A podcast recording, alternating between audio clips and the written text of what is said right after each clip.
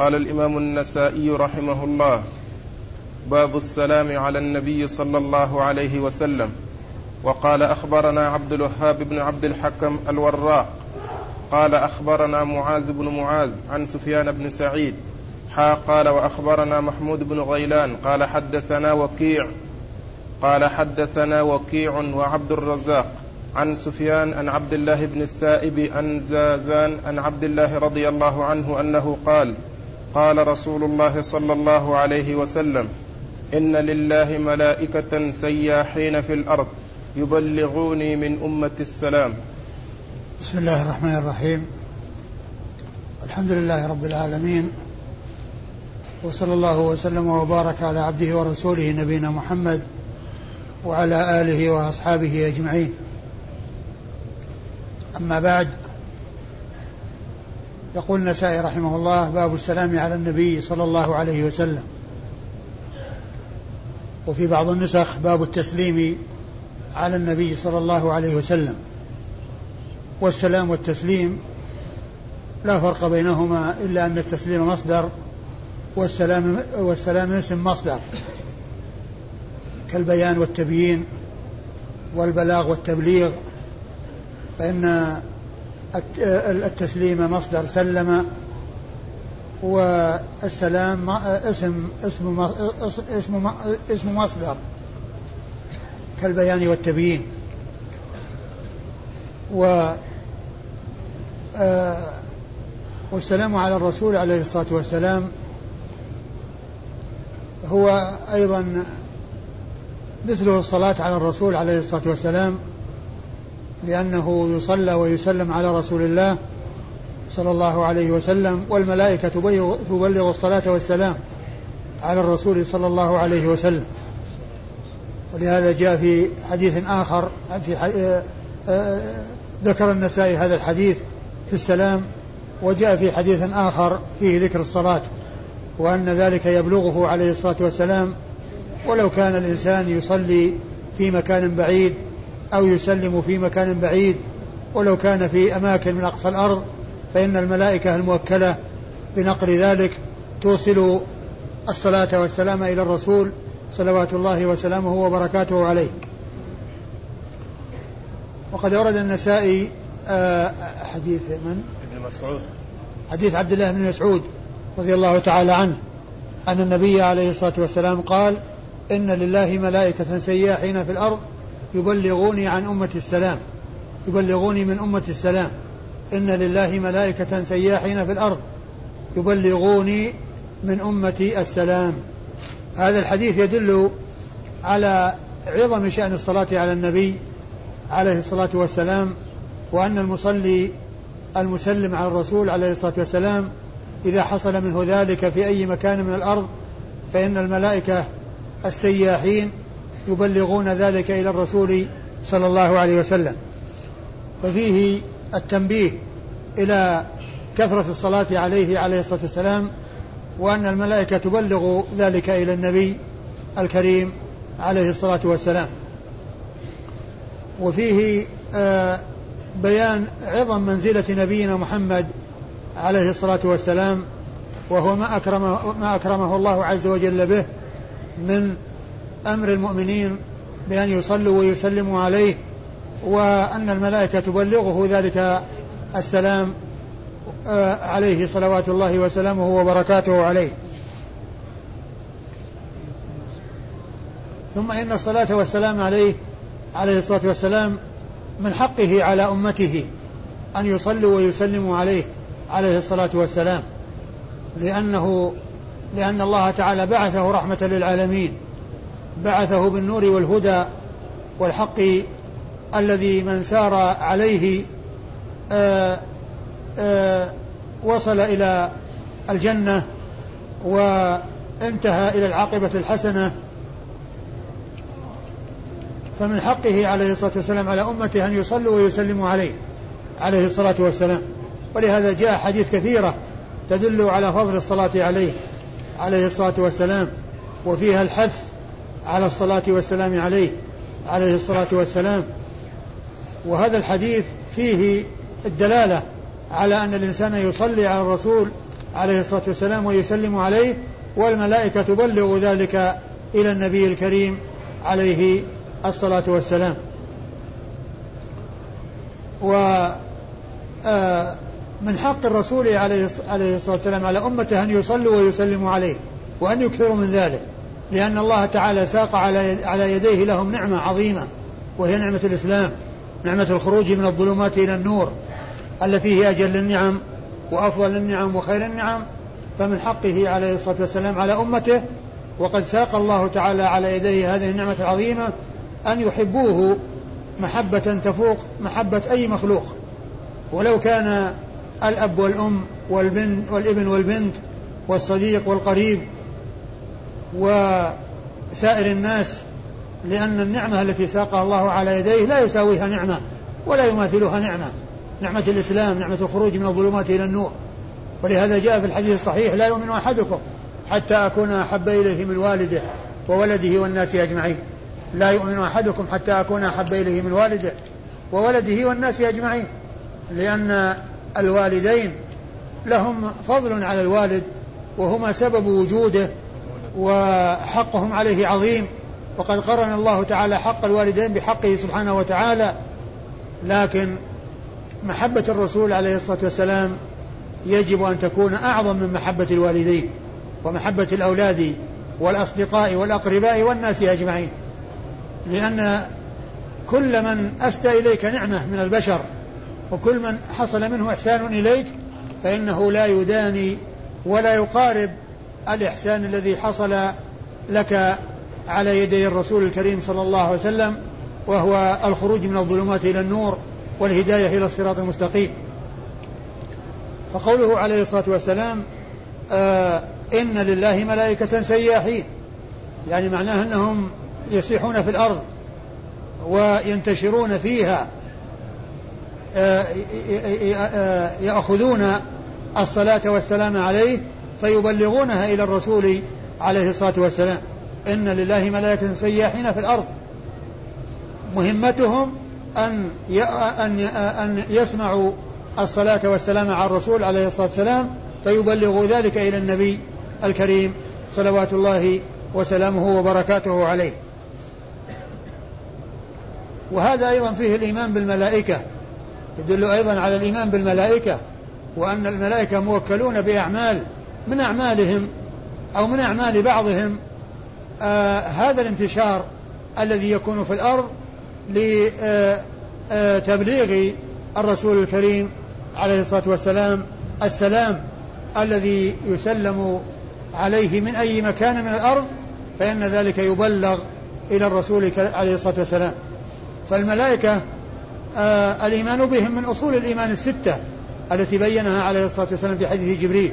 أن تؤمن بالله وملائكته وكتبه ورسله واليوم الآخر والقدر خير وشره فيؤمن, فيؤمن الإنسان بالملائكة وأن وأنهم آه، خلق من خلق الله وأن الله تعالى وكل إليهم أعمالا يقومون بها وأنهم لا يعصون الله ما أمرهم ويفعلون ما يؤمرون.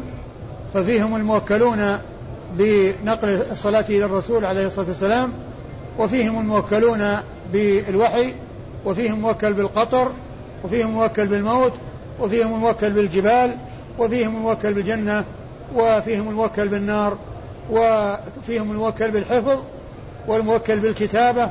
أعمال كثيرة جاءت في الكتاب والسنة هي من أعمال الملائكة.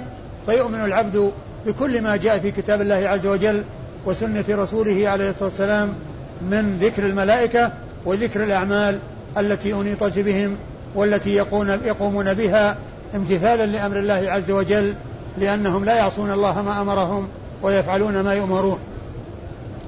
وهذا الحديث من جملة الأحاديث الكثيرة الدالة على الإيمان بالملائكة وأن لهم أعمالا جاء بيانها وإيضاحها في كتاب الله عز وجل وفي سنة رسوله صلوات الله وسلامه وبركاته عليه. وهذا يدلنا على أن الحديث يدلنا على أن الإنسان سلامه يصل إلى الرسول صلى الله عليه وسلم من كل مكان ولو كان من أقصى الأرض. ولا يكون السلام عند القبر خاصة عند قبر الرسول عليه الصلاة والسلام فإنه يكون من كل مكان. الإنسان يصلي ويسلم عليه والملائكة تبلغ ذلك إلى الرسول عليه الصلاة والسلام. ولهذا فإن ما يفعله بعض الناس من أنهم إذا رأوا أحدا قدم إلى المدينة أو اتجه إلى المدينة يقول له سلم لي على الرسول عليه الصلاة والسلام أو أبلغ سلامي إلى الرسول عليه الصلاة والسلام. هذا غير مشروع. هذا ما جاءت به السنة عن رسول الله عليه الصلاة والسلام. الذي جاءت به السنة أن الإنسان يكثر من الصلاة والسلام على رسول الله عليه الصلاة والسلام وهو في أي مكان من الأرض. وهذا الحديث يدل على أن الملائكة الملائكة تبلغ السلام إلى الرسول صلى الله عليه وسلم. ولهذا جاء في الحديث لا تجعلوا بيوتكم قبورا ولا تتخذوا قبري عيدا وصلوا علي فإن صلاتكم تبلغني حيث كنتم. يعني أن الإنسان يصلي من أي مكان ويسلم من أي مكان على الرسول عليه الصلاة والسلام وذلك يبلغ إلى الرسول عليه الصلاة والسلام. والجمع بين الصلاة والتسليم عليه صلى الله عليه وسلم هو الأكمل والأفضل لأن الله تعالى يقول إن الله وملائكته يصلون على النبي يا أيها الذين آمنوا صلوا عليه وسلموا تسليما. فإذا يعني آه، ذكر الإنسان النبي عليه الصلاة والسلام يصلي ويسلم عليه جميعا فلا يصلي عليه فقط ولا يسلم عليه فقط وإنما يجمع بين الصلاة والسلام عليه كما أمر الله تعالى بذلك في كتابه العزيز في قوله إن الله وملائكته يصلون على النبي يا أيها الذين آمنوا صلوا عليه وسلموا تسليما. فيقول صلى الله عليه وسلم أو عليه الصلاة والسلام عند ذكره عندما يأتي ذكره يقول آه، سامع ذكره أو الذي آه، آه، مر بذكره يقول صلى الله عليه وسلم أو عليه الصلاة والسلام. فلا يأتي بالصلاة وحدها أو بالسلام وحده فلا يقول عليه السلام فقط ولا يقول صلى الله عليه فقط وإنما يقول صلى الله عليه وسلم أو يقول عليه الصلاة والسلام. وأما إسناد الحديث فيقول النسائي أخبرنا. أخبرنا عبد عبد الوهاب بن عبد الحكم. أخبرنا عبد الوهاب بن عبد الحكم البغدادي. الوزان؟ البغدادي. لا المتن عندك إيش الوراق. في الحديث الوراق. إيه؟ أخبرنا عبد الوهاب ابن حكم ابن عبد الحكم الوراق وهو ثقة أخرج حديثه أبو داود والترمذي والنسائي. أبو داود والترمذي والنسائي. أخبرنا معاذ بن معاذ. أخبرنا معاذ بن معاذ العنبري البصري وهو ثقة ثبت أخرج حديثه أصحاب الكتب الستة. عن سفيان بن سعيد. عن سفيان بن سعيد وهو الثوري. سفيان بن سعيد بن مسروق الثوري الكوفي وهو ثقة ثبت. حجة إمام وصف بأنه أمير المؤمنين في الحديث وهو وصف رفيع من أعلى صيغ التعديل وأرفعها. وهو فقيه. هو فقيه محدث. حجة إمام ثبت. خرج حديثه أصحاب الكتب الستة. حاء وأخبرنا محمود بن غيلان. ثم قال النسائي حاء وأخبرنا وحاء. هذه يؤتى بها للتحول علامة على التحول من إسناد إلى إسناد. لأن النسائي رحمه الله لما ذكر الإسناد عن شيخه عبد الوهاب عبد عبد الوهاب بن عبد الحكم الوراق عن آه، معاذ بن معاذ آه، عن سفيان بن سعيد تحول إلى إسناد آخر. فقال حاوى أخبرنا محمود بن غيلان. محمود بن غيلان المروزي وهو ثقة أخرج حديثه أصحاب الكتب الستة إلا أبا داود. إلا ابن ماجه. إلا ب... إلا ابن ماجه؟ أو إلا أبا داود. إيه. أخرج حديثه أصحاب الكتب الستة إلا أبا داود. لم يخرج له شيئا. أيوه. حدثنا وكيع وعبد الرزاق. حدثنا وكيع وعبد الرزاق. وكيع هو ابن الجراح ابن الجراح الرؤاسي الكوفي وهو ثقة مصنف ثقة حافظ مصنف أخرج حديثه أصحاب الكتب الستة. وعبد الرزاق هو بن همام الصنعاني وهو ثقة آه، مصنف صاحب كتاب المصنف وحديثه أخرجه أصحاب الكتب الستة. وهو من جملة الذين وصفوا بالتشيع لكن تشيعه أنه كان يقدم عليا على عثمان في الفضل. وهذه مسألة خلافية بين أهل السنة. جمهورهم على أن عثمان أفضل. وجاء عن بعضهم وهم قليلون. منهم عبد الرزاق وعبد الرحمن بن أبي حاتم والأعمش وابن خزيمة. قالوا إن عليا أفضل. وهذا التفضيل وهذا التقديم إنما هو في الفضل وليس في الخلافة. لأن الخلافة متفق العلماء متفقون على أن عثمان أولى بالخلافة لأن الصحابة قدموه ومن اعترض على تقديمه تقديم غيره عليه تقديمه أي تقديم عثمان ورأى أن غيره أقدى أولى منه فقد اعترض على على فعل الصحابة الذين هم أعلم والذين هم أدرى وهم أخبر. ف ولهذا جاء عن بعض العلماء من قدم عليا على عثمان فقد أزرى بالمهاجرين والأنصار. فقد أزرى بالمهاجرين والأنصار. وقد قال شيخ الإسلام ابن تيمية في آخر العقيدة الواسطية أن تقديم علي على عثمان في الفضل هذه مسألة خلافية بين أهل السنة لا يبدع من يقول بها. وإنما الذي يبدع من قال به هو التقديم في الخلافة وأنه أولى منه بالخلافة لأن معناه إنكار الذي فعله الصحابة وأن الصحابة عملوا أمرا غير صحيح فمن رأى أنه أولى منه بالخلافة فهذا هو الذي يبدع.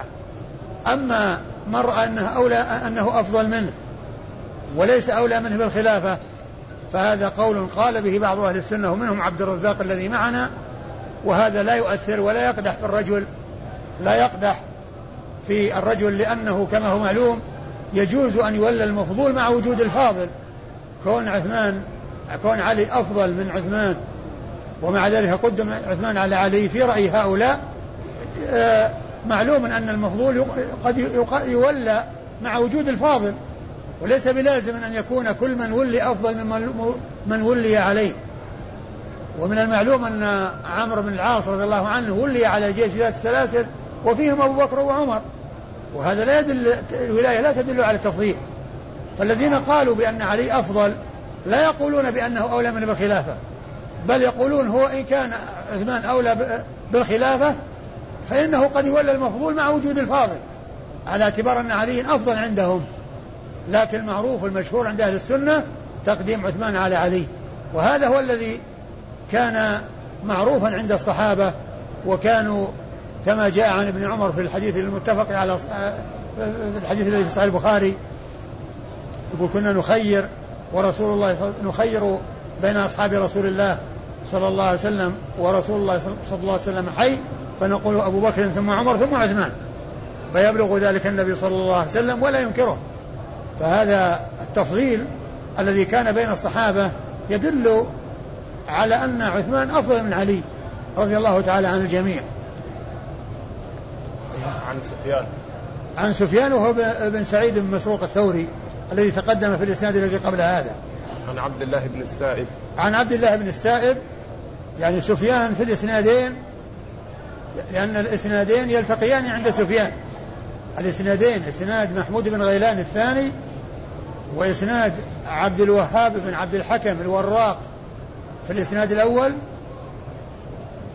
آه في الإسناد الأول يلتقيان عند سفيان الثوري. عن عبد الله بن السائب الكندي وهو ثقة خرج حديثه مسلم والنسائي. عن زاذان. عن زاذان الكندي عن زاذان الكندي وهو صدوق آه خرج له آه البخاري في الأدب. البخاري في الأدب؟ نعم. البخاري في الأدب المفرد ومسلم وأصحاب السنة الأربعة. عن عبد الله. عن عبد الله بن مسعود الهذلي صاحب رسول الله صلى الله عليه وسلم وأحد المهاجرين الأولين هاجر الهجرتين وهم من علماء الصحابة وحديثه آه، أخرجه أصحاب الكتب الستة. قال ب... قال فضل التسليم على النبي صلى الله عليه وسلم. وقال أخبرنا إسحاق بن منصور الكوسج قال أخبرنا عفان قال حدثنا حماد قال حدثنا ثابت قال حدثنا ثابت أنه قال قدم علينا سليمان مولى الحسن بن علي زمن الحجاج فحدثنا عن عبد الله بن أبي طلحة عن أبيه رضي الله عنه أن رسول الله صلى الله عليه وسلم جاء ذات يوم والبشرى في وجهه فقلنا إنا لنرى البشرى في وجهك. فقال إنه أتاني الملك. فقال يا محمد إن ربك يقول أما يرضيك أنه لا يصلي عليك أحد إلا صليت عليه عشرا ولا يسلم عليك أحد إلا سلمت عليه عشرا. ثم ورد النسائي هذه الترجمة وهي فضل التسليم على الرسول صلى الله عليه وسلم. فضل التسليم. فضل التسليم على النبي نعم. فضل التسليم على النبي صلى الله عليه وسلم. هذه الترجمة معقودة لبيان فضل الصلاة عليه عليه الصلاة والسلام وأن صاحبها يؤجر عليها بحيث تكون صلاته بعشر وتسليمه بعشر فهو فيصلي الله عليه بصلاته على النبي صلى الله عليه وسلم واحدة يصلي عليه بها عشرة ويسلم عليه بتسليمه على النبي صلى الله عليه وسلم واحدة يسلم عليه بها عشرة و وقد أورد النسائي حديث آه، أبي طلحة. حديث أبي طلحة الأنصاري رضي الله تعالى عنه أن النبي عليه الصلاة والسلام دخل عليهم أي على جماعة من أصحابه وفي وجهه البشرى يعني آه، يظهر على وجهه البشرى البشر والسرور. آه، فعرفوا ذلك في وجهه عليه الصلاة والسلام وسألوه فقالوا إننا نرى في وجهك البشرى. فقال عليه الصلاة والسلام إنه أتاني الملك. فقال أما يرضيك؟ قال إن الله عز وجل إن الله عز وجل. قال يا محمد أما يرضيك أنه لا يصلي عليك أحد إلا صليت عليه عشرا. لا أولا قال أتاني الملك. أتاني الملك فقال يا محمد إن ربك يقول. أتاني الملك فقال يا محمد إن ربك يقول أما يرضيك أن من صلى عليك واحدة صليت عليه. أنه لا يصلي عليك أحد إلا صليت عليه. أنه لا يصلي عليك أحد إلا, صلي إلا صليت عليه عشرة. ولا يسلم عليك أحد إلا سلمت عليه عشرة. فهذا دال على فضل الصلاة عليه وفضل التسليم عليه صلى الله عليه وسلم وأن صاحبه يثيبه صاحب ذلك أو فاعل ذلك يثيبه الله عز وجل بأن يصلي عليه. ومن المعلوم أن صلاة الله عز وجل على رسوله ثناؤه عليه. ثناؤه عليه. وكذلك صلاة الله على العبد ثناؤه عليه في الملأ الأعلى. ثناؤه عليه في الملأ الأعلى. فأما يرضيك أن أنه لا يصلي عليك أحد إلا صليت عليه عشرا ولا يسلم عليك أحد إلا سلمت عليه عشرا فهذا واضح الدلالة على أن من صلى على النبي صلى الله عليه وسلم يثيبه الله تعالى بهذا الثواب والحسنة بعشر أمثالها فالصلاة بعشر صلوات والتسليم بعشر آه، بعشر آه، تسليمات أن الله يسلم عليه عشرة كما سلم على الرسول صلى الله عليه وسلم واحدة. وقد جاء مثل ذلك في صحيح مسلم أن النبي عليه الصلاة والسلام قال من صلى علي واحدة صلى الله عليه بها عشرة فهو دال على ما دل عليه هذا الحديث الذي معنا هذا الحديث الذي رواه النسائي مثله ما جاء في صحيح مسلم. في بيان فضل الصلاة على الرسول صلى الله عليه وسلم. وجاء أحاديث آه، عديدة جمعها آه، الحافظ آه، ابن حجر في كتابه فتح الباري عند شرح حديث الصلاة على الرسول الصلاة الإبراهيمية. ذكر أو جمع الأحاديث التي هي صحيحة أو حسنة وقال بعد أن ذكرها إن هناك أحاديث كثيرة آه، منها ما هو موضوع ومنها ما هو ضعيف وفي ما صح وثبت عن رسول الله عليه الصلاة والسلام ما يغني ويكفي عما ليس بصحيح. وكثير من الأحاديث التي آه، آه، تروى وتأتي في الكتب التي تجمع بين كل ما هب ودب يأتون بالأحاديث الضعيفة والموضوعة في الصلاة على الرسول صلى الله عليه وسلم. ومن المعلوم أن الأمر كما قال الحافظ بن حجر في الأحاديث الصحيحة ما يغني ويكفي عن الأحاديث الضعيفة والموضوعة. ومن الأحاديث الصحيحة في ذلك آه، الدالة على فضل الصلاة على الرسول عليه الصلاة والسلام أنه قال إن أولى الناس بي يوم القيامة أكثرهم علي صلاة. إن أولى الناس بي ويوم القيامة أكثرهم علي صلاة. وكذلك يقول عليه الصلاة والسلام البخيل من ذكرت عنده فلم يصلي علي البخيل من ذكرت عنده فلم يصلي علي وذكر أحاديث ذكر الحافظ بن حجر أحاديث عديدة منها ما هو صحيح ومنها ما هو حسن. والذي ورد عن النبي صلى الله عليه وسلم من ذلك يكفي ويغني ولا حاجة إلى الأخذ بالأحاديث الضعيفة أو التمسك بالأحاديث الضعيفة فإن الأخذ بما ثبت وصح يغني ويكفي عما لم يثبت. ولم يصح. يقول يقول أبو طلحة رضي الله عنه أن النبي عليه الصلاة والسلام دخل عليهم وفي وجهه البشرى يعني أنه مسرور يظهر عليه السرور وذلك لما ظهر على وجهه من ذلك فسألوه عن هذا الذي ظهر على وجهه فأخبرهم وأنه قد فرح وسر بهذا الخبر الذي جاء به الملك من الله عز وجل وهو أن الله عز وجل يقول أما يرضيك أن أنه لا يصلي عليك أحد إلا صليت عليه عشرا ولا يسلم عليك أحد إلا سلمت عليه عشرا فهذا فيه الحث على الصلاة على الرسول صلى الله عليه وسلم وبيان فضل الصلاة على الرسول والسلام عليه صلى الله عليه وسلم وأن الحسنة بعشر أمثالها.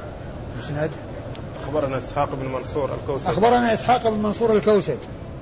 وإسحاق بن منصور الكوسج المروزي الكوسج لقب والمروزي وهو ثقة آه ثقة ثقة ثبت. ثقة ثبت. أخرج حديثه أصحاب الكتب الستة إلا أبا داود. هو مثل محمود بن غيلان. مثل محمود بن غيلان الذي تقدم قريبا فإن آه فإن كل منهما خرج له أصحاب الكتب الستة إلا أبا داود. قال أخبرنا عفان. قال أخبرنا عفان وهو بن مسلم الصفار. عفان بن مسلم الصفار البصري. وهو ثقة ثبت. أخرج حديثه أصحاب الكتب الستة. عن حماد وهو ابن سلمة ابن دينار البصري. وهو ثقة آه، يعتبر أثبت الناس في حديث ثابت وهو هنا يروي عن ثابت البناني وهو وحماد بن سلمة ابن دينار البصري خرج له البخاري تعليقا ومسلم وأصحاب السنة الأربعة. يروي عن ثابت وهو بن أسلم البناني البصري وهو ثقة أخرج حديثه أصحاب الكتب الستة. عن عن سليمان مولى الحسن بن علي. عن سليمان مولى الحسن بن علي. ويقال له سليمان الهاشمي لأنه ينسب إلى الحسن بن علي يعني مولى مولى الحسن بن علي آه الحسن بن علي بن أبي طالب فيقال له الهاشمي لأنه هاشمي بالولاء. يقال له سليمان الهاشمي. وقال عنه الحافظ في التقريب إنه مجهول.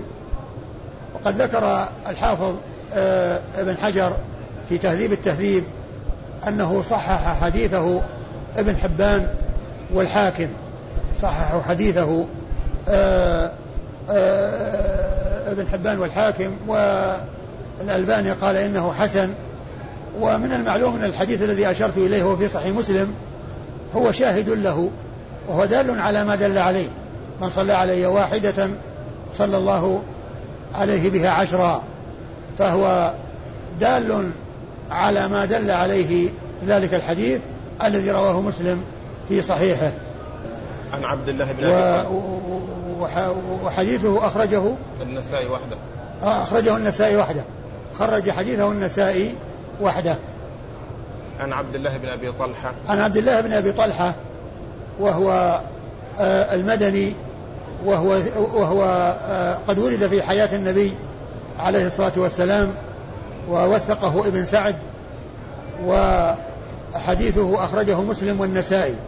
أخرجه مسلم والنسائي وهو أخو, وهو أخو أنس بن مالك لأمه. عبد الله بن أبي طلحة أمه أم سليم أم أنس بن مالك وهو أخو أنس بن مالك لأمه.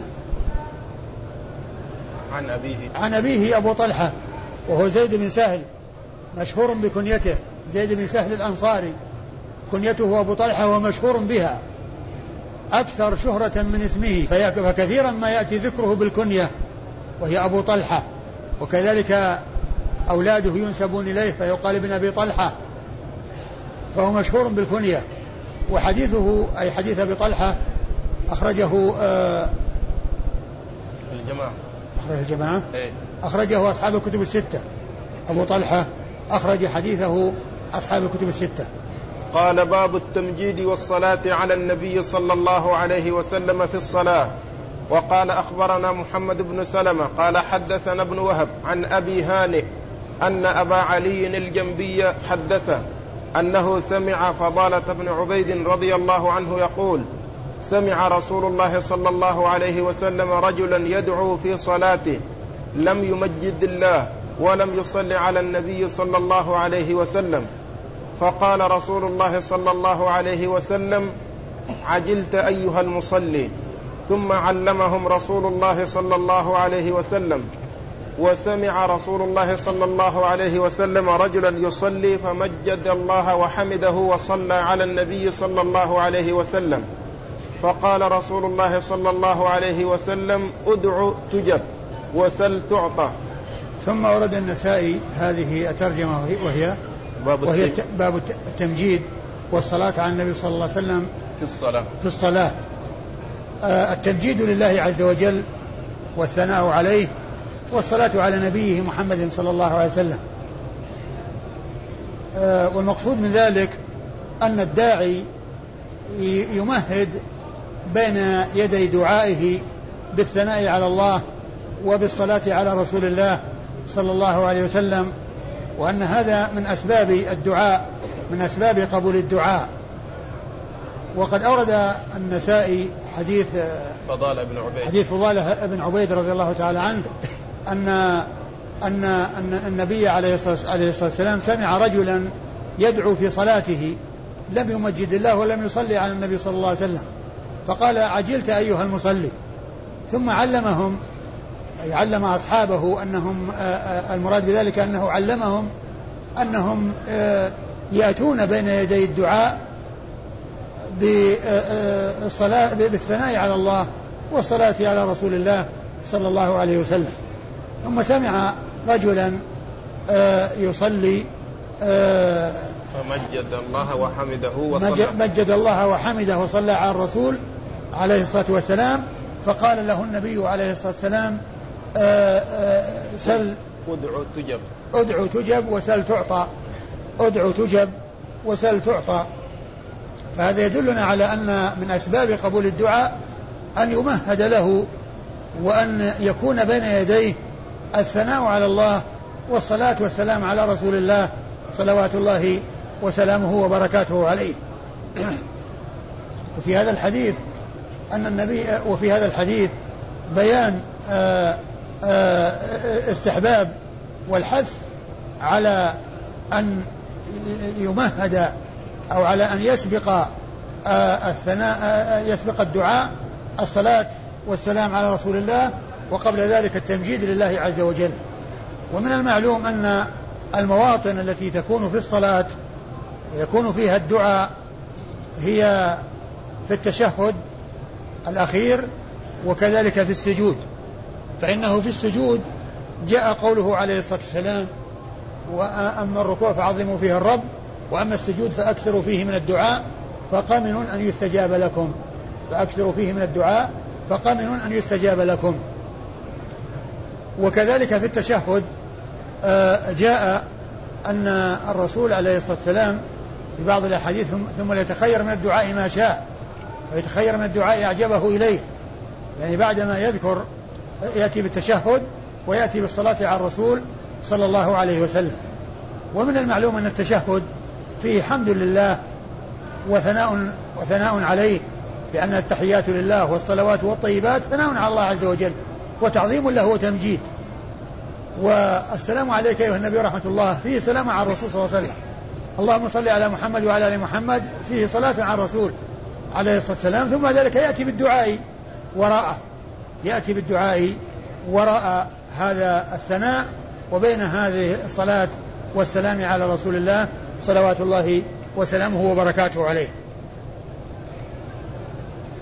وكذلك في السجود يكثر الإنسان من الدعاء وكذلك يعظم الله عز وجل في آه، آه، كما ورد تسبيح الله عز وجل يقول سبحان رب الأعلى فإن هذا من تعظيم الله عز وجل وتمجيده.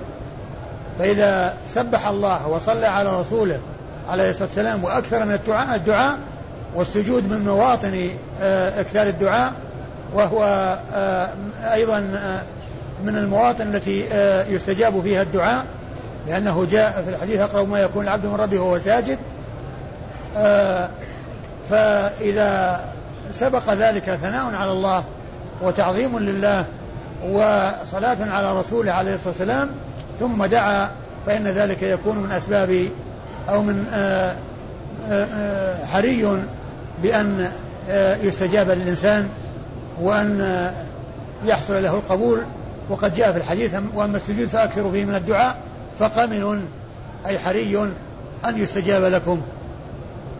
ثم أيضا صلاة الجنازة لما كان الميت وهو على وشك آه، آه، المواراة في قبره شرع آه، شرع صلاة الجنازة وصلاة الجنازة المقصود منها الدعاء. ولكن قبل الدعاء يأتي الحمد لله والصلاة على رسوله. فيأتي قراءة الفاتحة التي فيها حمد وثناء لله عز وجل ثم بعد ذلك الصلاة على الرسول عليه الصلاة والسلام ثم بعد ذلك الدعاء. تكون هذا يعني هذا الموطن أو هذه الحالة التي العبد أحوج ما يكون فيها إلى دعاء الداعين شرع قبل الدعاء له في الصلاة أن يؤتى بالصلاة بالحمد بحمد الله والصلاة على رسوله صلوات الله وسلامه وبركاته عليه.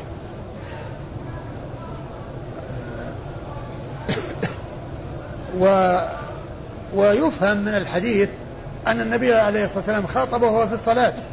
لأنه قال عجلت أيها المصلي. عجلت أيها أيها المصلي.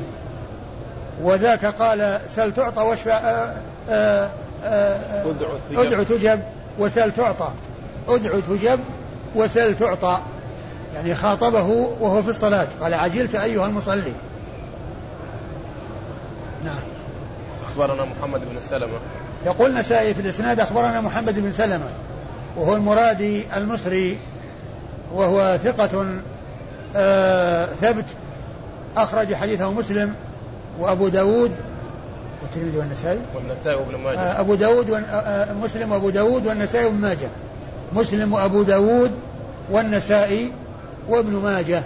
هذا هو محمد بن سلمة المرادي المصري شيخ النسائي.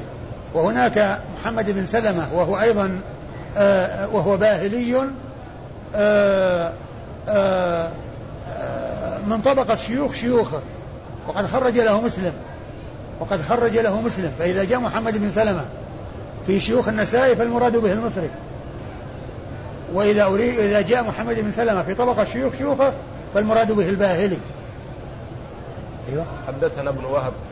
حدثنا ابن وهب وهو عبد الله ابن وهب المصري وهو ثقة فقيه. حديثه عند أصحاب الكتب الستة. عن أبي هانئ. عن أبي هانئ حميد بن هانئ. عن أبي هانئ حميد بن هانئ وهو صدوق لا بأس به. وهو لا بأس به أخرج له البخاري في الأدب ومسلم والأربعة. البخاري في الأدب المفرد ومسلم وأصحاب السنة الأربعة. عن أبي علي. عن أبي علي الجنبي وهو عمرو بن مالك عمرو بن مالك وهو ثقة أخرج حديثه البخاري في الأدب المفرد وأصحاب السنن الأربعة. البخاري في الأدب المفرد وأصحاب السنن الأربعة. عن فضالة بن عبيد. عن فضالة بن عبيد صاحب رسول الله عليه الصلاة والسلام ورضي الله عنه وأرضاه وحديثه أخرجه البخاري في الأدب المفرد ومسلم وأصحاب السنن الأربعة. والله تعالى أعلم وصلى الله وسلم وبارك على عبده ورسوله نبينا محمد وعلى آله وأصحابه أجمعين.